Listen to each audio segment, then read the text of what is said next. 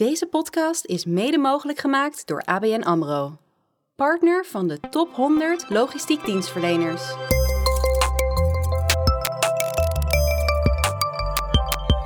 Bedrijfsovernames zijn aan de orde van de dag in de logistiek. Familiebedrijven komen in handen van beursgenoteerde ondernemingen of onderdelen daarvan. Hoe ga je vanuit die situatie op een duurzame manier en gericht op de lange duur met medewerkers om?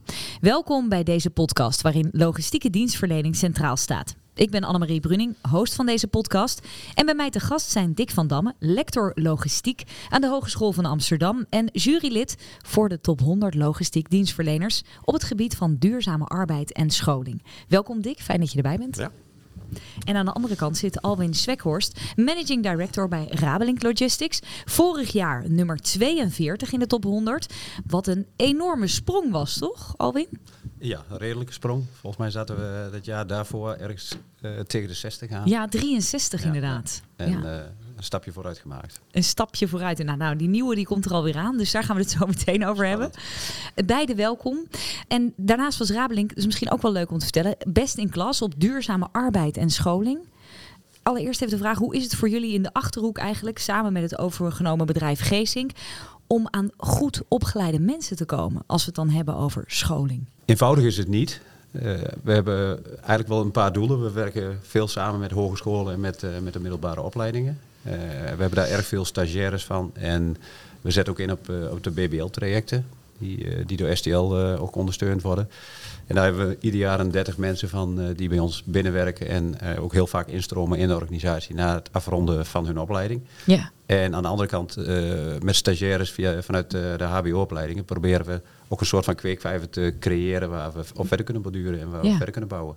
Nou, daar gaan we straks dieper op in. Ben benieuwd naar alle geheimen die er achter schuil gaan.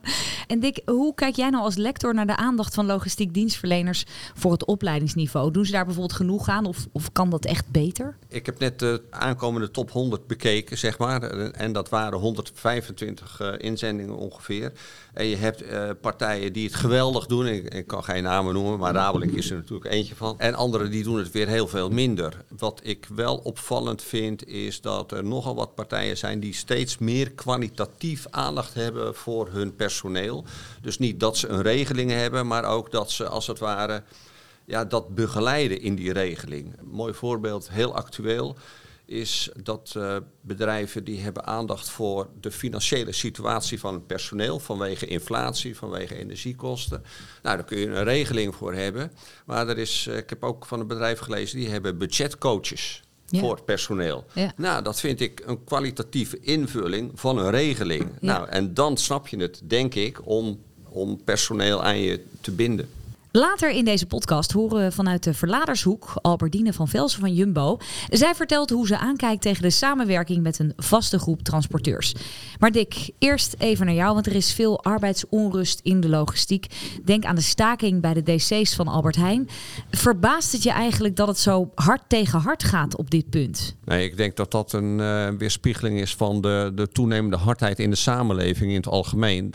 Mensen, waaronder personeel dus, eh, stellen hogere eisen aan, eh, aan, aan hun leven en dus ook aan hun werk. Tenminste, dat, dat gevoel heb ik dat dat ook een beetje door corona komt. Hè. Ze kennen andere situaties, meer thuiswerken. eh, en nu verwachten ze gewoon meer van, van de werkgever. En ik denk dat dat tot op zekere hoogte ook terecht is. En je ziet ook bij met name jongere mensen dat ze niet alleen maar eh, willen werken. Hè. Vroeger was 60 uur eh, in managementposities was heel normaal. Maar tegenwoordig is dat niet meer zo. Eh, jongere medewerkers vinden ook andere dingen belangrijk in hun leven dan alleen werken. Ja. Dus ik, ja, ik, ik kan dat wel goed plaatsen. Ja. Ja. We gaan daar zo met Rabelink ook dieper op in met Alwin. Ehm, de kosten van arbeid gaan flink omhoog. En daar zullen ook logistieke dienstverleners natuurlijk zoals Rabelink mee te maken hebben. Eh, valt het eigenlijk te compenseren door slimmer, productiever te gaan werken met betere systemen, goed opgeleide mensen? Of gewoon doorberekenen naar de klant? Hoe zie jij dat? Van alles een beetje op zijn minst. Maar uh, ik denk dat we langzaam maar zeker wel uh, klaar zijn met het verder optimaliseren van dezelfde processen. Ik, ik denk dat je, dat je slimmer, creatiever, uh, innovatiever moet zijn om het anders te doen. Personeel kan niet harder werken dan ze nu al doen in het algemeen. Ik denk wel dat robotisering zal gedeeltelijk noodzakelijk zijn, want, want er is minder personeel. ik denk dat we sprongen moeten maken in innovativiteit. Ja, sprongen maken in innovativiteit om de boel een beetje te ontlasten en het uh, uiteindelijk ook allemaal te kunnen handelen. Ja, ja want, want kijk, die fase van standaardisering, van, van uh, uh, alles efficiënter doen, dat hebben we wel gehad zo'n beetje. Ja. Kijk jij er ook zo tegenaan alweer? Ja, ik, ik sluit me daar wel bij aan. Ik, wij zien bij ons in de branche optimaliseringsmogelijkheden worden steeds kleiner eigenlijk. Mm -hmm. Dus ja, je moet naar, de, eh, naar het proces kijken van wat kan ik daar nou in doen. En daar zit uh, een stukje uh, zeg maar autonome machines die, die zelfstandig iets doen bijvoorbeeld. Waar de mens gewoon wat minder bij nodig is. Dat zijn oplossingen. En voor de rest ja, probeer je toch in, in, de, in de kleine details nog de procesoptimalisatie te vinden. Maar de grote lijnen zijn er op, op dit moment uit. Ja. Hoe ver zijn jullie al met robotisering? Nou, we zijn uh, daar nog niet zo heel ver mee. We, we werken nu met uh, een aantal mensen met exoskelets. Dat, is, uh, dat zijn meer de tilhulpen. Waardoor mensen ook in een houding gezet worden dat als ze tillen, dat ze ook gezond tillen. Oh, ja, dus niet ja, in de, op een manier waarop, ze, waarop je lichaamsschade zou oplopen. De houding dus verkeerd hebben. Dus een beetje ondersteunen van personeel eigenlijk. Ja, klopt. Dus te ondersteunen aan de ene kant. En ja, je kijkt gewoon van wat voor dingen kun je al automatiseren en waar is dat mogelijk. En we, we hebben een nieuw magazijn in Zevenaar waar uh, inductiegeleide machines rijden. En die zijn zo ingericht en onze stellingen zijn ook nu al zo ingericht dat die dadelijk ook autonoom zouden kunnen werken. Dus ja. dat is een beetje naar de toekomst kijken. Wat komt er op ons af? Wat gaat er veranderen in onze wereld? Het gebrek aan personeel, want dat is het feitelijk. Het ja. gebrek aan gekwalificeerd personeel, dat los je op door wat slimmere oplossingen te kiezen op dat vlak. Ja. En dat zijn stappen die gaan successievelijk steeds verder, denk ik. Step by step komen we in een, ja, waarschijnlijk toch wel in een, een groot deel een autonoom uh, uh, werkend magazijn. En op sommige niveaus kan dat niet, maar op palletniveau is dat bijvoorbeeld vrij, vrij simpel en eenvoudig in te voeren. Ja. Ja, je moet wel mee. Hè? Inderdaad, want er spelen een heleboel problemen. Uit onderzoek blijkt ook dat de helft van de logistieke medewerkers een andere baan wil. Blijkt het onderzoek van uh, Quinix. Um, want er zouden weinig doorgroeimogelijkheden zijn. Um, hoe zit dat eigenlijk? Zijn er bij logistieke bedrijven gewoon te weinig banen op kantoor in de planning? Uh, of, of bij sales waar logistiek medewerkers naar kunnen doorgroeien? Dick? Nou, ik, ik denk in het algemeen uh, hè, aan de top zijn minder mensen nodig dan aan de basis. dat geldt voor dat is altijd al zo geweest. Geldt voor het leger ook en voor de ja. gezondheidszorg. En dat geldt voor logistieke bedrijven ook. Uh, wat ik wel zie is uh, in de nieuwe top 100 dat er bedrijven zijn die heel, heel specifiek aandacht hebben om personeel toch naar een hoger niveau te krijgen. Bijvoorbeeld teamleider te worden. En daar aandacht voor hebben. Maar ja, dat kan niet iedereen. Niet iedere medewerker kan teamleider worden. Want je hebt er minder van nodig. Ja. Het positieve aan de schaarste op de arbeidsmarkt is wel dat werkgevers echt, die moeten wel aandacht hebben, goede aandacht hebben voor het personeel. En dat is voor het personeel alleen maar goed, denk ik. En dat zit hem niet alleen in de financiële zaken, maar ook in de aandacht voor fitnessprogramma's en dat soort zaken. Want ik denk dat dat ook een aandacht, uh, aandachtspunt is. Dat het personeel dat je hebt, ja, moet wel fit blijven. Nou, en, ja. en daar, dat zie je nu terug in de, in de top 100 komen. Ja, dus inderdaad allemaal eigenlijk eisen waar we jaren geleden helemaal niet, helemaal geen rekening minder, mee hielden ja. misschien of minder. Ja.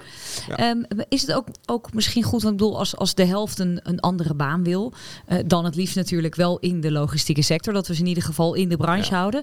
Uh, is, het, is het misschien goed dat, dat mensen ook overstappen naar andere bedrijven binnen de logistiek en daar niet jarenlang blijven hangen? Is dat een goede ontwikkeling? Vanuit mijn perspectief uh, kan het nooit kwaad om eens naar een andere partij te gaan om te werken. Andere cultuur, andere omstandigheden, andere collega's. Dus dat kan geen kwaad. Wat je soms ook wel ziet, en ik merk het in Amsterdam, daar is ook een, een trend, of er is een, een, een idee ontwikkeld van zouden we niet een soort pool moeten hebben, bijvoorbeeld op Schiphol, ja. uh, van logistieke, logistieke medewerkers. Uh, je hebt pieken en het ene bedrijf heeft toch weer net iets andere piek dan een ander. Zou je daar niet iets mee kunnen? Ja. Nou, dat zou je op regio uh, niveau zou je dat misschien kunnen doen. Hoe zie jij dat, Alwin? Ik denk dat daar wel mogelijkheden in liggen. Uh, daar, dat is eigenlijk het stuk waar nu de, de uitzendbureaus eigenlijk ook op ingesprongen mm -hmm. zijn. Dus die, uh, die vullen die hiaten eigenlijk uh, op die manier in. Ja, ik denk, dat het, uh, ik denk dat je zelf gewoon heel veel aandacht moet besteden aan je mensen. En dat, ja. dat je moet kijken van opleidingsniveau is niet altijd alleszeggend. We zien ook gewoon dat mensen bepaalde talenten laten zien. En ik denk dat talentherkenning dat dat een van uh, de gemiste kansen is in Nederland in het totale onderwijssysteem wat er is. Mensen worden niet meer beoordeeld op hun talent. Er wordt gekeken van, maak je de toets goed, daar, beoordeel, daar wordt de, de volgende stap mee beoordeeld. wordt veel te veel op de, naar de cijfertjes gekeken. Juist, en ik denk dat, uh, en je ziet ook gewoon uh, bij jonge mensen zitten, uh, de stappen worden gemaakt in verschillende leeftijdscategorieën, in verschillende, in verschillende volgordes. De een ontwikkelt zich heel jong, heel snel. De ander is daar wat langzamer mee. Maar dat wil niet zeggen dat die persoon die wat trager ontwikkelt, dat die uh, uiteindelijk een level niet haalt wat, uh, wat uh, gevraagd wordt in, voor, het, voor het beroep waar hij naartoe wil. Ja. Hij of zij naartoe wil. Dus kijk, meer kijken naar dat talent. Zou je het een goede ontwikkeling vinden dat, dat personeel vaker ook van, van job hopt? Dat ze vaker ergens anders gaan kijken? Nou, een van de dingen, als ik nou even de spiegel naar onszelf draai, wij proberen uh, mensen gewoon kansen te geven binnen de onderneming. En wij laten uh, mensen doorgroeien in de, in de organisatie. Be beginnen bij de chauffeurs en de magazijnmedewerkers. Die krijgen echt de kans, als ze uh, het willen, in ieder geval te proberen die stappen te maken. Mm -hmm. En die, geven, die kansen geven we dan ook. We maken daar ook altijd afspraken over. We kijken er samen een jaar naar. Na een jaar werkt het, dan blijf je op die positie of groei je nog verder door. En uh, als het niet zo is, dan, uh, dan, uh, dan maken we de stap weer terug. Maar dat is dan denk ik ook ten gunste van beide. Ja. Omdat, hoe, hoe ontvangt personeel dat? Hoe, hoe gaan ze daarmee om? Eigenlijk best goed. Best goed. Ja? Want het is een open afspraak. Het is niet zo dat je je baan kwijt wordt. Het is, het is alleen maar dat je krijgt de kans om de stap te maken. Lukt dat, dan ga je verder in die ontwikkeling. Lukt dat niet, dan voel je je waarschijnlijk ook niet happy op die plek. Dus dan, dan kun je gewoon weer terug naar je oude werkplek toe. En ja, precies. Is, ben je niet je baan kwijt? Nee, nee, absoluut niet. Absoluut niet. Want we nee. zijn heel zuinig op onze mensen. maar we willen ze wel echt alle kansen geven om, om zich te ontwikkelen. En we hebben daar ook best wel hele mooie voorbeelden van. Jij noemde net iemand uh, die kan teamleader worden. Nou, een jong, bij ons een jonge man die binnengekomen is vanuit uh, op, de, op de BBL voor chauffeur. Die is nu teamleader op, uh, op de transportafdeling. Ja, hm. ook omdat je waarschijnlijk een talent ziet in hem, wat hij misschien van zelf ook van, niet had ontdekt. Ja, van af aan ja. was dat talent. Alleen hij wilde per se chauffeur worden. Ja, dus jullie signaleren dat dan op een gegeven moment en dan, dan droppen jullie dat, planten jullie dat zaadje even in zijn hoofd bij hem van goh, ja. zou je niet die kant op willen? Ja, we stimuleren het ook bewust. Het is niet, niet bij één, maar het is in de breedte stimuleren we wel bewust dat mensen zich door mogen ontwikkelen binnen de organisatie. Daar waar het mogelijk is. En ook de switch van bijvoorbeeld de transportafdeling naar de logistiekafdeling of naar de Air afdeling. Dat die kansen intern verschuiven, die zijn er ook. En dat mag ook naar sales of naar, naar andere plekken zijn. Ja. Het gaat gewoon om het stukje talent wat iemand heeft. En talent, talenten ontwikkelen. We hebben ook een paar talententeams. We hebben ieder jaar een opzet van talententeams. Die koppelen we meestal aan onze kernwaarden. En daar zit dan een, een, een onderwerp bij waar mensen een werk, uh, werkproject maken. Wat gerelateerd is aan de organisatie, wat de vraag is vanuit de organisatie. Ja. En die presenteren ze dan later aan een directie- en managementteam. En dan kunnen ze ook laten zien van uh, wat, wat hebben wij in huis en hoe, uh, hoe zitten wij in de wedstrijd. Ja, en dat, dat werkt ontzettend positief. Dus ik denk een hele grote stimulans voor mensen om, om uh, eigenlijk op een open manier zelf een keer te presenteren. Ja. We horen mooie voorbeelden, Dick. Uh, met de personeelstekort in de arbeidsmarkt is communicatie ook echt wel, nou, we horen het ook, ook bij jou, Alwin, naar medewerkers cruciaal. Wat zijn eigenlijk een paar do's en don'ts in die communicatie, als we het daarover hebben? Nou, uh, in ieder geval communiceren. Uh, dat is beter dan niet oh, communiceren. Ja. Uh, een, een, voorbeeld is bijvoorbeeld voor opleidingen. een van de bedrijven in de nieuwe top 100 zei: Ja, we hebben een link, die kan iedereen vinden. Punt. ja, okay. nou dat is mooi natuurlijk. Het wel communiceren, maar niet heel duidelijk ja, nee, nee, je kunt mensen ook stimuleren om iets te doen. En wat ik heel mooi vind in, bij sommige bedrijven is dat een deel van het opleidingsbudget dat mag ingezet worden voor niet direct uh, vakgerelateerde opleidingen. Nou, en dan kun je komen tot uh, ontdekkingen van hé, hey, uh, verrek, die persoon die heeft andere talenten misschien of die heeft ambities die wij niet wisten. En ik vind dat voor de ontwikkeling van mensen, uh, medewerkers, vind ik dat heel goed. Want de, de gedachtegang erachter is van, ja, als je dat soort dingen doet die jij leuk vindt, ja. dan ben je gelukkiger, tussen aanhalingstekens. En dan ga je ook beter uh, performen in het bedrijf. Dus ik, ik vind dat een intelligente manier van omgaan met, met opleidingsbudget. En dan, dan ja dat is een stukje, dat is veel verder dan een link hebben. Ja, precies. Ja. En dat die oogkleppen af en ja. gewoon kijken ja. naar waar iemand op zijn plek zit. Ja. ja, en ik denk dat je dan echt mensen aan het binden bent. Ja. Voor jouw organisatie. Nou, over dat binden, dat gaan we, gaan we het straks verder over hebben. Ik hoop dat mensen dan ook, hè, dat we ook een beetje binden op deze manier met deze teaser. Uh, want we gaan het hier straks dus uh, verder over hebben. Maar, uh, en dan gaan we ook horen hoe Rabeling zich ontwikkelt op het gebied van die duurzame arbeid en scholing. We gaan er nog iets dieper op, op in. Maar eerst gaan we even naar supermarktketen Jumbo. En Albertine van Velzen, heren stad van de redactie logistiek.nl, sprak met haar over de samenwerking met logistiek dienstverleners. En vroeg haar of de vervoerssector zich in de afgelopen paar jaar flink heeft geprofessionaliseerd. Als je nou terugkijkt in die vijf jaar dat je hier zit, heb je dan het gevoel dat de sector, de logistieke dienstverleners, dus daar waar jij gewoon iedere dag mee te maken hebt, dat, dat die sector zich verder heeft geprofessionaliseerd? Ja. Ik denk als je daar kijkt, ja, in systemen die wij, maar ook logistiek dienstverleners gebruiken in een stuk ritoptimalisatie, efficiëntie, een controltower. Stel even, wij zijn gegeven moment die controltower van Simacan gaan implementeren. Maar Albert Heijn heeft hem ook. De Spar heeft hem ook. Dus op een gegeven moment uh, heb je een logistiek dienstverlener die voor alle drie die uh, retailers rijdt. Die is een gegeven moment naar Simacan toe gegaan. En die hebben gezegd, joh, ik wil niet drie verschillende controltowers waar ik hier moet inloggen voor Jumbo en hier. Maar kan ik ze niet allemaal in één zien. Dus voor ons was het stukje zichtbaarheid hielp om ook een stukje efficiëntie te realiseren. Maar dat geldt natuurlijk ook voor je logistiek dienstverlener. Want die ziet dan ook bepaalde efficiëntieslagen die die dan voorheen niet ziet. Omdat het drie verschillende nou, niet zichtbare locaties waren van elkaar. Los even van als je kijkt naar de techniek van de vrachtwagens met ook camera's die uh, chauffeurs aan boord hebben. Dus ook gewoon de dagdagelijkse ontwikkelingen in de techniek. Um, motormanagement, dat je precies weet rijgedrag um, en daar hè, neem het dieselverbruik wat je daaraan kan koppelen. Daar is zeker ja, die logistieke, of eigenlijk de, nee, de hele vervoerdersbranche natuurlijk al enorm in ontwikkeld. Als je kijkt, uh, nou, ja, maar dat, dat gaat elk jaar gaat natuurlijk gewoon door. En, en zeker wel ook daar een duidelijke afslag richting MVO. Dus je wil allemaal minder uitstoot, je wil allemaal ja, uh, volle auto's, minder kilometers. Daar, daar, zie je echt wel de drijf bij iedereen ontstaan om dat te realiseren. En dan zit die vaak ook in een stukje datadelen. Als je het hebt van joh, wie is eigenlijk waar op welk moment. En met die gegevens kan je dingen slimmer, beter anders doen. En ik denk dat dat alleen maar doorgaat als je ziet met uh, AI en alle chat-GPT's noemen we van deze wereld. Ja, daar komt nog heel wat op ons af. Ja, we zijn uh, inmiddels weer terug bij Dick van Damme en Alwin Zwekhorst van Rabelink Logistics. Um, Alwin, ik ben benieuwd hoe jij luistert uh, naar dit verhaal van Jumbo en Albertine. Is dit iets wat, wat bij veel van jullie klanten speelt? Ja, het is een uh, herkenbaar verhaal.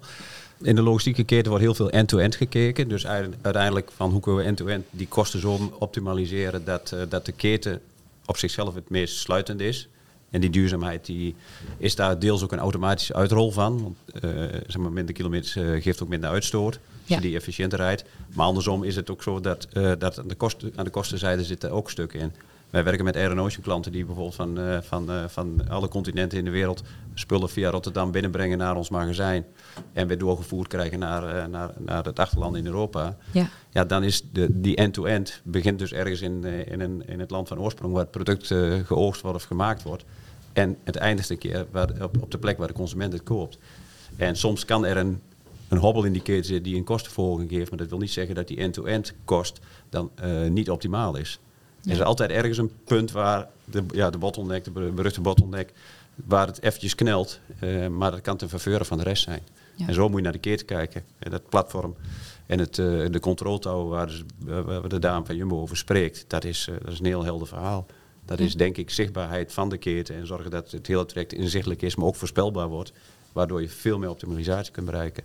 En dat is een ding waar denk ik iedere, iedere dienstverlener aan moet werken om dat voor zijn klanten te creëren. Ja, zoals ze ook zei, er, er komt heel veel op ons af, zijn ze aan het einde. Ja. Nou, en ik hoorde jou achter de schermen ook inderdaad zeggen, ja, nou zegt dat wel.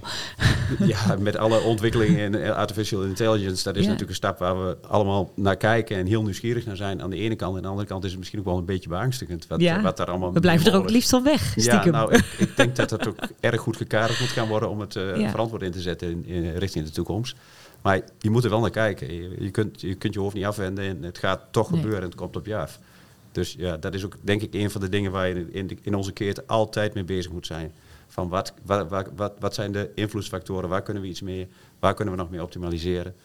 En als we nu 30 jaar terug zouden kijken, dan zijn de dingen die, die nu nog steeds geoptimaliseerd kunnen worden, waar we 30 jaar geleden zeiden, van dat kan helemaal niet meer. Nee. Dat is onmogelijk. En dat gebeurt toch. Ja. Dus het moet ook continu een blik naar voren zijn, continu naar vernieuwingen kijken, contact met scholingen, met, met scholen, met opleidingen, want daar krijg je heel veel vernieuwende inzichten van. En eh, we vooral ook daarvan stagiaires, jonge mensen binnenhalen die ook in de organisatie weer nieuwe inzichten binnen, binnenbrengen. Ja. Dat is enorm belangrijk. Hoe zie jij dat, Dick? Nou, dit Ik zie, jou, ik me- zie jou driftig ja knikken. Ja, dat, dat horen de mensen niet. Maar Ja, dit spreekt mij natuurlijk eh, aan eh, jonge mensen eh, binnenhalen. Die hebben inderdaad een andere blik. of dat nou stagiaires zijn of net afgestudeerden. eh, dat eh, ben ik het van harte mee eens natuurlijk. Heb ik ook zeker belang bij. Maar eh, ik denk ook dat ehm, zeg maar in de, wat er op ons af zit te komen, hè, AI en, eh, enzovoort. Maar ook de turbulentie neemt toe. Hè, de, de, en, en daarmee de onvoorspelbaarheid. Eh, Ja. Kijk naar geopolitieke ontwikkelingen, oorlogen, eh, klimaatverandering. Dat kan ook gevolgen hebben voor internationale supply chains. Ja. We kunnen niet volstaan met standaardisering en efficiëntie, maar we moeten ook flexibel, responsief kunnen reageren op veranderingen. Ik denk dat dat de grote uitdaging wordt. En daar heb je ook weer goed personeel voor nodig. Ja, want Dat, wat, voor, wat voor mensen heb je bijvoorbeeld nodig om, om klanten als Jumbo tevreden te houden, Alwin? In iedere laag van de organisatie heb je daar mensen voor nodig. Eigenlijk vanaf, eh, vanaf de vloer tot en met het management. Ja. Da- daar, het draait altijd om die hele, om die hele keten. En wij, wij pakken een pakket op voor een klant. En Jumbo zou dat bijvoorbeeld kunnen zijn, maar daar pak je een pakket op en dan ga je mee aan de slag. Maar daar heb je eigenlijk de hele gelaagdheid van de organisatie voor nodig. Ja. Het gaat eh, vanaf de, het uitvoeren van, eh, van de werkzaamheden op de vloer tot en met het contract afsluiten of de, de, de prijslijst afstemmen met, met de klant. Waar, eh, waar een directie of een sales, salesafdeling mee bezig is. Ja. Dus dat, en ook daar zit communicatie is daar een cruciale schakel. Hoe communiceer je met je klanten? Ik, ik, bij ons is het spreekwoord altijd van onze klant betaalt onze boterham. En uiteindelijk moeten we daar het optimale voor leveren. Dat, ik vind dat er een juiste balans in moet zijn. Wij, wij, wij benaderen klanten meer als partners. We werken ook echt eh, met, met de doelstelling, we hebben een customer intimacy policy die we volgen. En eh, dat is ons hoofddoel van onze strategie. Wij proberen ook hele lange klantrelaties op te bouwen en dat lukt ons ook. Maar dat wil wel zeggen dat het eh, net als in iedere relatie geven en nemen is. Het is niet één richting verkeer, het moet bij de klant twee richting verkeer zijn en het moet bij ons ook twee richting verkeer zijn. Ja, en dat is eigenlijk een beetje wat ik in jou, de, de rest van jouw verhaal ook hoor. Wat, je, wat ook bij je personeel zo door wordt vertaald, toch? Ja, ja, dat proberen we echt binnen te brengen. En we zien het ook gewoon in onze eh, gemiddelde, gemiddelde klantenbestand terug. We zijn fors gegroeid de laatste jaren en toch is ons gemiddelde klantbestand meer dan 15 jaar bij ons. Ja. Dat houdt in dat er heel veel klanten zijn die ook 40, 45 of 50 jaar bij ons zijn. En personeel, blijven die ook zo lang bij jullie? Merk je dat ook? Over het algemeen is het verloop niet groot. Nee. Dat, is, Nee. eh, we zijn, eh, dat is denk ik ook het heeft te maken met de kansen die mensen biedt. Je zegt van, we, hebben, we hebben natuurlijk een breed scala waar we binnen kunnen werken. Eh, je kunt switchen van, van divisies, maar je kunt ook gewoon binnen de divisie groeien. Op het moment dat je laat zien dat je, dat je meer in, in, in huis hebt dan, eh, dan dat je misschien volgens het brevetje of het opleidingscertificaatje wat je hebt. Dat is niet leidend voor ons. Ja, want hoe groter je ook wordt, hoe verder je ook je personeel weer door kan groeien, mee kan groeien, kan Ja. ik me voorstellen. Ja. Want jullie, hebben een, jullie bouwen een groot pand in Zevenaar. Hebben twee jaar geleden Geesink en Zelhem overgenomen. Dus ja, inderdaad, je groeit best wel. Zijn er nog bepaalde dingen die dat, dat qua cultuur ook betekent voor de, voor, voor de mensen? Nou, het pand in Zevenaar is al in gebruik. Ja? Dat, dat staat al, is, is, eh, is 1 januari 2023 in gebruik genomen. Oh, kijk, dus dat is al Ja. up and running helemaal. Het, eh, ja, we hebben eigenlijk in een hele korte periode eh, een paar stappen gemaakt. Leusing eh, uit Gaanderen is, is uit een faillissement overgenomen. Dat waren 25 auto's met 25 chauffeurs en bijbehorende klanten. Geesing uit Zelm is, eh, is daarna eigenlijk in het begin van de coronaperiode in gesprek gekomen. Ja. Eind 2021 hebben we het officieel overgenomen. En daar zijn eh, ongeveer 140 mensen meegekomen en, eh, en, en 100 chauffeurs. Dus allemaal mensen uit andere bedrijven. Ja, maar wel, zo? wel uit de regio. Maar zeg je dan zelf het DNA? Ja, nou, ja, soort van. soort van. Ja, wel verschillende organisaties, Ja. maar toch wel een soort van hetzelfde DNA wat, wat, wat er al in zit. Maar dat is niet bepaald. We hebben ook een, een Nee, ik wil zeggen, selecteer je daar het bedrijf op wat je Nee, overneemt? niet, of dat, niet. eh, Nee, niet. Dit is, eh, dit is, dit is puur een, eh, een samenloop van omstandigheden. We, we, zijn, we waren eigenlijk bedrijven, eh Geesing en Rabeling, als je die naast elkaar zou leggen. We kunnen de werkzaamheden over elkaar heen, heen leggen en we hebben een prima synergie. Ja. We hadden beide een, eh, een, een Benelux-transport, we hebben beide een, Duitsland-transport. Wij doen nog wat meer Europese landen en Geersing was specifiek voor die, landen, voor die vier landen eigenlijk in beeld. En dat konden we gewoon over elkaar heen leggen. Dat creëer je een direct synergie-effect uit. Ja, dat merk, je merkt ook echt op de vloer dat dat ook echt zo werkt, zoals jullie dat feitelijk, voor feitelijk is het zo dat je, eh, als je naar de planningen kijkt, de binnenlandplanningen kijkt, eh, de Benelux-planning kijkt, dan leg je die planningen over elkaar heen en bespaar je gewoon 10 auto's op, op het totaalbestand wat je separaat van elkaar zou benutten. Ja. En dat is, dat is de synergie die daaruit gehaald wordt. En daar zit het voordeel in. Maar krijgen bijvoorbeeld, eh, hebben veel mensen een andere rol gekregen ook binnen het bedrijf? Ik bedoel, Het is ook wel deels breder geworden en heel veel mensen hebben ook een andere rol gekregen. We hebben ook een, eh, onze structuur compleet anders opgebouwd. We, toen, eh, een paar jaar geleden zaten we nog in een, eh, in een, een, directie, een directeur en een MT. Tegenwoordig zit er een directieteam en een managementteam onder. En het managementteam dat, dat, dat is verantwoordelijk voor de divisies die, die eronder zitten. Dus er is een andere structuur ontstaan. Waardoor we ja, eigenlijk iets meer gelaagdheid hebben gekregen. Maar aan de andere kant ook wel beter kunnen delegeren. En ook meer eigenaarschap eh, in, de, in, de, in de divisies kunnen leggen. Ja. Zonder, dat, eh, zonder dat wij daar meteen de bepaalde factor in zijn. Wij zetten een hoofdlijn uit als directie. Mhm. En de divisiemanagers die zijn verantwoordelijk voor hun divisie om dat uit te rollen binnen die divisie. En daar gaan wij niet als, eh, als een kleuterjuffrouw achteraan wandelen van je moet je dit, geeft je ze moet de dat. vrijheid. Ja, we geven- proberen ze zoveel mogelijk vrijheid te geven daarin. En dat, en dat werkt denk ik ook. Eigen verantwoording werkt gewoon heel positief. Mensen vinden het prettig om ook hun keuzes te kunnen maken. En ja, we grijpen wel eens een keer in. eh, maar dat is, dat is net als in het normale leven is altijd wel een keer nodig. Maar in de meeste gevallen is het gewoon prima wat er gebeurt. En dan, eh, dan kan iemand ook zijn plan uitrollen met zijn mensen, ook iets bouwen. Ja. En ook echt iets neerzetten waar iedereen voor zichzelf trots op kan zijn. Ja, dat is een van de dingen waar je dus de mensen mee bindt en boeit. Als we nou kijken naar die nieuwe generatie, hè, dat is een compleet andere generatie eigenlijk dan nou, ja, de generatie daarvoor. Ik kan me voorstellen dat dat soms best lastig is om te bedenken als je die mensen aanneemt hoe je ze, hoe je ze binnenhoudt, hoe je ze überhaupt binnenhaalt. Ehm, want, want er zit ook ergens een soort van dingetje wat je misschien niet van elkaar snapt. Hoe, hoe gaan jullie daar mee om? Hoe, hoe haal je die mensen binnen en hoe hou je ze uiteindelijk binnen?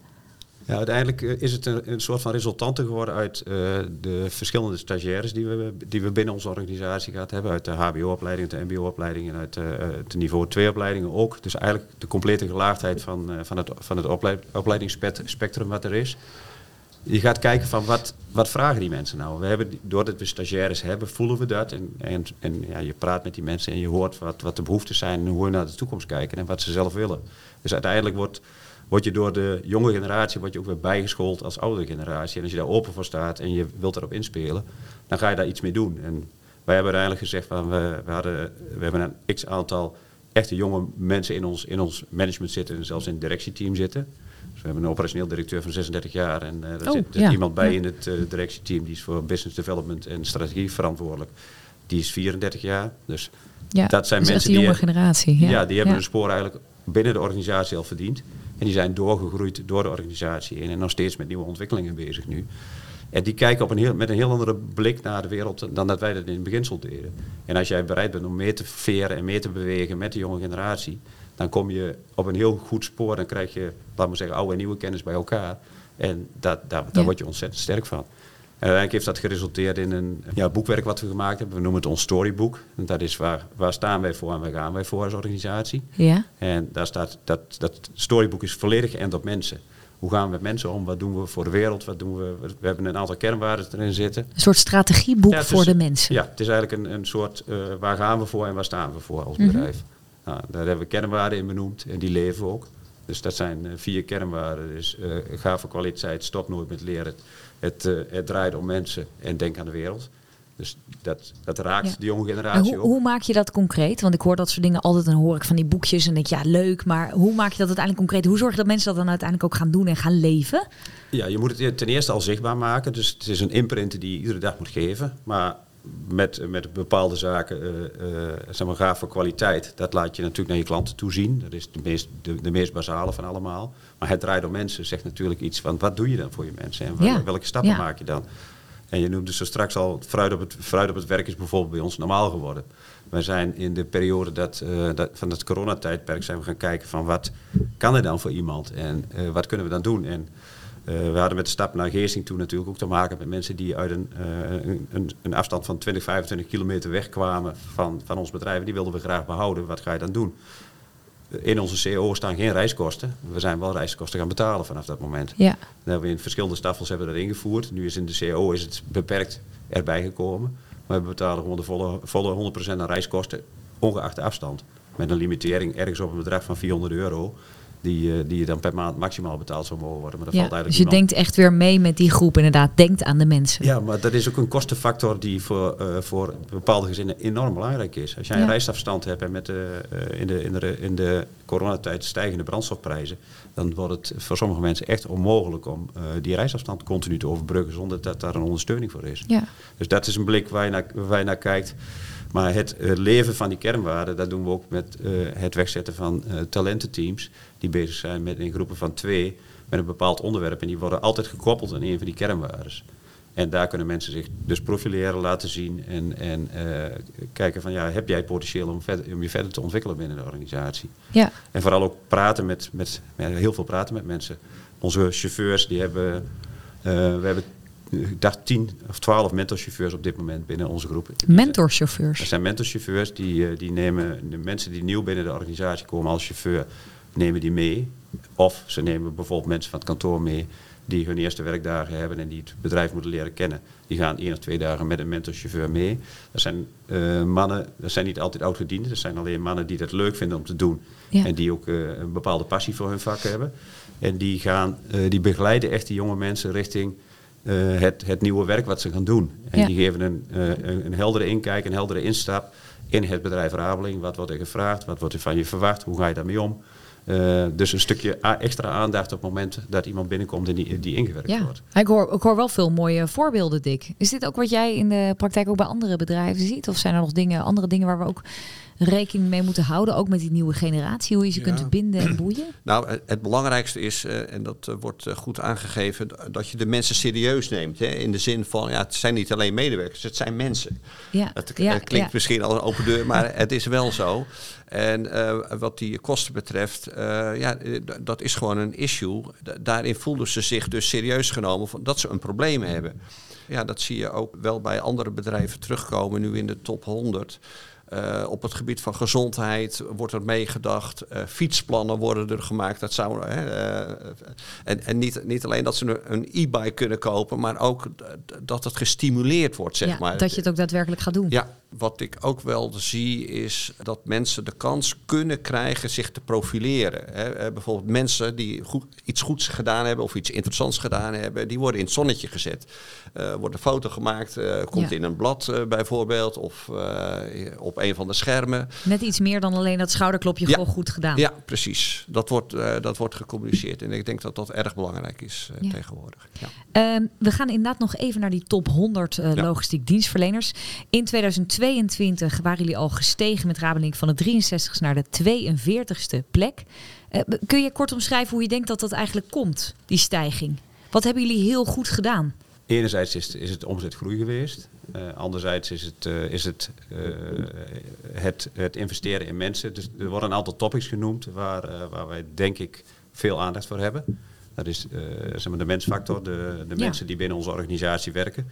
Daar is veel aandacht voor en dat, dat, dat wordt op deze manier dan. Nou, jullie waren zelfs best in klas, hè? Ja, dat, dat had ik niet verwacht. Maar dat was, dat was toch wel een enigszins een verrassing dat we best in klas waren. Maar dat, dat komt doordat je, je kijkt naar je eigen, eigen organisatie. Ja. En je praat met je collega's om je heen wel eens over opleiding en, en wat doen jullie dan. Maar dat blijft altijd vrij globaal. Dat gaat nooit echt de diepte. Je hebt niet een idee hoe anderen dat doen. Zeg nee, maar, maar eigenlijk vind ik dat ook ja. minder belangrijk. Ik vind het belangrijk dat wij dat doen wat wij graag willen doen. Ja. En dat wij het binnenbrengen bij de mensen dat, dat er aandacht voor is. En wij, wij hebben de kernwaarde, het draait om mensen en dat is breed, heel breed en allesomvattend. Ja. En dat is van, van begin tot eind. Voor ons is een chauffeur of een, een directeur is gewoon gelijk. Je hebt, ieder mens is gelijkwaardig en ieder mens heeft, uh, ja. heeft respect nodig en wil respect hebben.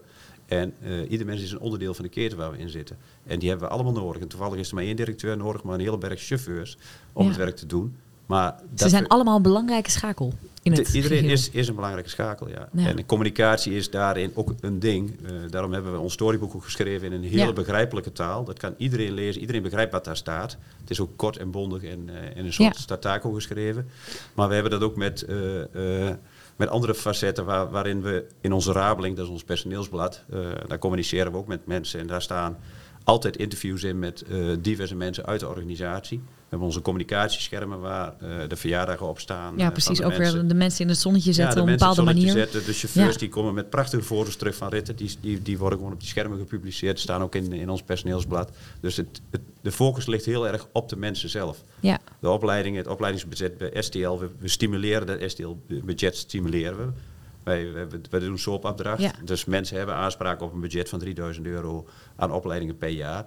Ze mogen daar ook deels onze werktijd voor gebruiken. Dus dat is ook geen probleem. En dat hoeft kortom, echt niet op, het, op, de, vak, op de sector uh, gericht te zijn. Het mag nee. iets heel anders zijn waar, uh, zoals jij net zei, waar iemand gelukkig van wordt. En wat iemand graag wil doen. wij hebben ook belang bij werkgeluk. Ja, kortom, het is wel duidelijk dat na Best in Class in 2022 dat ze niet gestopt zijn bij Rabeling. Ze dachten niet, we kunnen nu achterover leunen, het is wel goed. Uh, dat is ook denk ik wel waar jullie in onderscheiden. De mensen, het feit dat jullie heel mensgericht zijn. Ik ben wel benieuwd, uh, ja, jullie zijn er, eh, als ik het zo hoor, Dick, uh, wel heel druk mee bezig geweest. Ook weer in 2023, of tenminste het jaar naar 2023 toe. Is er een bepaalde positie die je voor dit jaar verwacht, Alwin? Nou, ik heb geen verwachting. We hebben een, voor onszelf een soort doelstelling dat we graag onder de grote bedrijven willen blijven. We willen graag in de, in de categorie bovenkant middenmoord zitten. Om ook die persoonlijke touch te houden binnen de organisatie. Dus 42 zoals vorig jaar is een prima plek? Of zeg je nou nog ietsjes hoger? Ik heb prima. Ergens tussen de 25 en de 50 zeg ik altijd. Dus dat zou, zou een mooie positionering zijn. Dat doe je wel mee in de markt. Maar je, onder, je zit niet in de sector enorme grote bedrijven. Want daar, daar komt ja, toch weer een iets ander gevoel naar boven. Dan wordt het wat onpersoonlijker en we willen die, die persoonlijkheid wel graag houden. Ja. Dat vinden we enorm belangrijk. En ik denk dat iedereen die bij ons werkt daarom ook bij Rabeling werkt. Omdat dat stukje persoonlijke aandacht er is. Dat kan nog. Ja. En dat, is, dat wordt al lastiger door het groter worden. Maar we zijn er wel heel zuinig op en we proberen het echt met, met veel focus om dat ook zo te houden. Ja. Maar dat is, dat is wel een factor van ons succes. Een enorme belangrijke factor van ons succes. Dick, dan wil ik nog eventjes naar jou tot slot. Want als jurylid heb jij inmiddels de enquêtes, als het goed is, binnen en beoordeeld. Zonder iets van uitslagen te verklappen, is er iets wat jou dit jaar is opgevallen? Nou, dat is de aandacht voor uh, zeg maar de financiële positie van medewerkers uh, in het kader van inflatie en energiekosten. Daar komen veel uh, partijen mee. De een wat specifieker dan de ander. Ook één waarschuwing heb ik ook bij één bedrijf heb ik dat gezien. Ja. Van dat ze een bepaalde financiële vergoeding kregen, mits ze goed functioneren. Ik denk, oh. ja, hè, ja, wat vervelend nou, want die financiële problemen heeft iedereen, ook als je matig functioneert. Ja. Soms functioneer je ook matig doordat je financiële nou, ja, problemen hebt. Dat zou zomaar kunnen. Toch? Ja, ja, dus, dus dat vond ik dan, uh, was één partij van de 125 en ik weet niet eens meer wie. Dus, maar maar dat, uh, dat viel mij wel op. Dat moet je juist niet doen als je nee. aandacht uh, wil hebben voor het personeel en als je ze wilt binden en, en binnenhouden. Ja, de vitaliteit is ook een belangrijk punt. Dat was de vorig, vorig jaar ook. Hè. Fietsprogramma's. Uh, je hebt, soms geven ze een cursus of workshop. Afvallen of stoppen met roken. dat soort zaken vind ik, vind ik uh, echt een goede ontwikkeling. Wat ik nog niet heb gelezen, maar wat ik zelf wel weet van sommige bedrijven, is de verbinding aan een goed doel bijvoorbeeld. Waarin personeel soms een soort stage kan lopen bij dat goede doel, als dat op het gebied van logistiek is. Uh, maar waar kunnen dan? Nou, een oud voorbeeld is van uh, TNT en later Siva Logistics. Die had zich uh, verbonden aan het World Food Program. Ja. Nou, dat zijn logistieke dingen. En daar konden personeel, mits ja, wel een bepaalde voorwaarden voor doen, die konden dan naar een ander land gaan om, om zich ja, te laten inspireren en mee te helpen. Ja, dus eigenlijk dat geldt alleen voor de hele ja, grote bedrijven, denk ik hoor. Ja, is dat iets wat, wat jij ook wel ziet zitten, uh, Alwin? Word je hierdoor geïnspireerd als je dit zo hoort? Ja, dat, uh, daar worden we wel door geïnspireerd. Dat doen we ook wel op kleinere schaal. Dus uh, voor ons is, is dat, zou dat een brug te ver zijn. Ja. Maar ja. wij doen het op kleinere schaal wel. We hebben, uh, we hebben een vestiging in Roemenië. Die zit vlakbij Sighet aan de Oekraïnse grens. Oh ja. die, ja. die heeft, dit, dat is een draaischijf geweest voor, voor hulpgoederen naar Roemenië toe. Onze moederorganisatie, de Huteman Groep, heeft daar ook best fors in geïnvesteerd. Die hebben daar meer dan een ton voor uitgetrokken en ook uh, gestimuleerd om hulpgoederen naar Roemenië te brengen. Dus dat, uh, dat, daar hebben we echt wel oog voor, maar dat doen we ook op een, op een, klein, op een kleinschalige niveau. Ja. Dat je meer in de, in de regio kijkt van waar kunnen we helpen. Een ander voorbeeld is uh, een project waar we hulpgoederen geleverd hebben naar Curaçao, naar een hospice. En die is vrij recent is die opgestart dat zijn kleine projecten, kleinschalige projecten, die dan uh, om een aantal duizenden euro's gaan. En ja. wij, wij, verzorgen dan de zeevracht voor, voor die partijen. Daar, doen we, uh, daar berekenen we geen kosten voor. Ja. We halen die goederen op, verpakken ze in de container en we zenden ze weg. En dat is dat, eh, dat is dat de hulp die we doen. Ja. En zo doen we dat op verschillende kleinere gebieden. Naar Roemenië toe ook vaker hulptrans- hulpgoederentransporten.